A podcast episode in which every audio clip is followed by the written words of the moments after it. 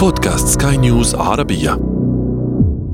أهلا بكم إلى هذا أنا الذي يسلط الضوء على شخصيات تركت بصماتها عبر التاريخ. يأتيكم عبر منصة سكاي نيوز عربية على أبل، جوجل وسبوتيفاي. معي أنا آمال شابة. هذا أنا هذا أنا.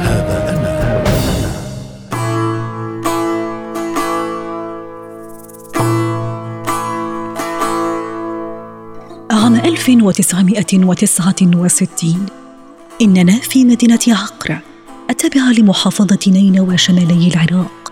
قبل أن تصبح رسمياً ضمن المناطق التابعة لإقليم كردستان العراق بعد انتفاضة عام 1991 في كان في عائلة عقراوي الكردية تولد وداد.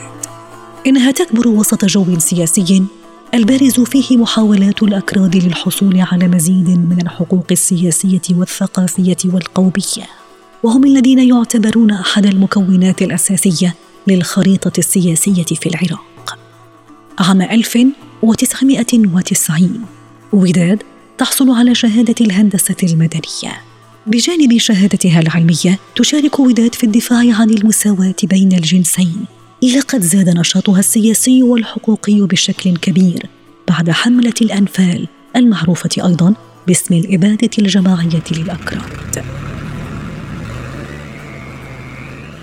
وداد تنتقل مع عائلتها إلى الموصل فرارا من الضغوط التي تعرضت لها مع أسرتها قبل أن تعود مرة أخرى إلى نينوى ومنها تقرر العائلة السفر إلى الدنمارك. في كوبنهاجن المستقر الجديد لابنة كردستان العراق تقتنص الشابة العشرينية شهادة الماجستير في علم الجينات قبل أن تحصل على الدكتوراه في علم الأمراض السرطانية والصحة الدولية من الولايات المتحدة الأمريكية. وداد تعود مرة أخرى إلى الدنمارك إنها تعكف على دراسة القانون الدولي وتتخصص في نزع السلاح والأمن الدولي.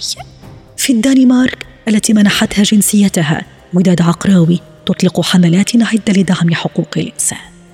إننا في عام 1994 وداد تبدأ بالعمل التطوعي مع منظمة العفو الدولية أمنستي وهي منظمة غير حكومية تعنى بالقضايا المتعلقة بحقوق الإنسان. المنظمة الدولية تتودد لوداد وتبعث لها رسالة شكر نظير جهودها في مجال حقوق الإنسان. يعتقد البعض بأن الحصول على المزيد من الأسلحة سيجلب المزيد من الأمن ولكننا نرى مرارا وتكرارا بأن ذلك غير صحيح. فبراير عام 2006 وداد عقراوي تختار سفيرة لمنظمة العفو الدولية لمناهضة التعذيب قبل أن تنتخب عضوا في اللجنة التنفيذية لأمنستي. في أبريل من ذات العام وتستقيل منها عام 2007 في الحقيقة يأتي تحقيق الأمن الحقيقي من خلال إرساء حكم القانون والمؤسسات لضمان العدالة الاجتماعية واحترام حقوق الإنسان. إننا في عام 2008 إنها تنضم إلى مشروع أوقفوا الاتجار في جميع أنحاء العالم وهي حملة لوقف الاتجار بالبشر في العالم. نساؤنا تسبى. نساؤنا تسبى. وتباع في سوق الرق. سبتمبر عام 2014 وداد عقراوي تؤسس حملة عالمية بعنوان إنقاذ اليزيديين لم يمر شهر حتى حصلت وداد عقراوي على جائزة بريفير الدولية للسلام. نظير جهودها بضرورة إنهاء العنف الجنسي في مناطق النزاع ووقف النقل غير المشروع للأسلحة حول العالم.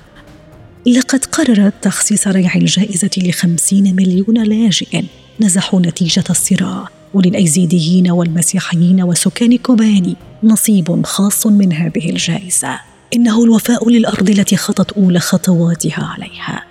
هي وداد عقراوي عراقية الهوى كردية الهوية وبين الهوى والهوية فضلت وداد أن تكون صاحبة رسالة إنسانية. هذا أنا هذا أنا. نهاية هذه الحلقة من هذا أنا. استمعتم إليها عبر منصة سكاي نيوز عربية على أبل، جوجل وسبوتيفاي ولنا لقاء. تقبلوا تحياتي. أنا آمال شابة في الإعداد والتقديم وتحيات المخرج يحيى جلال.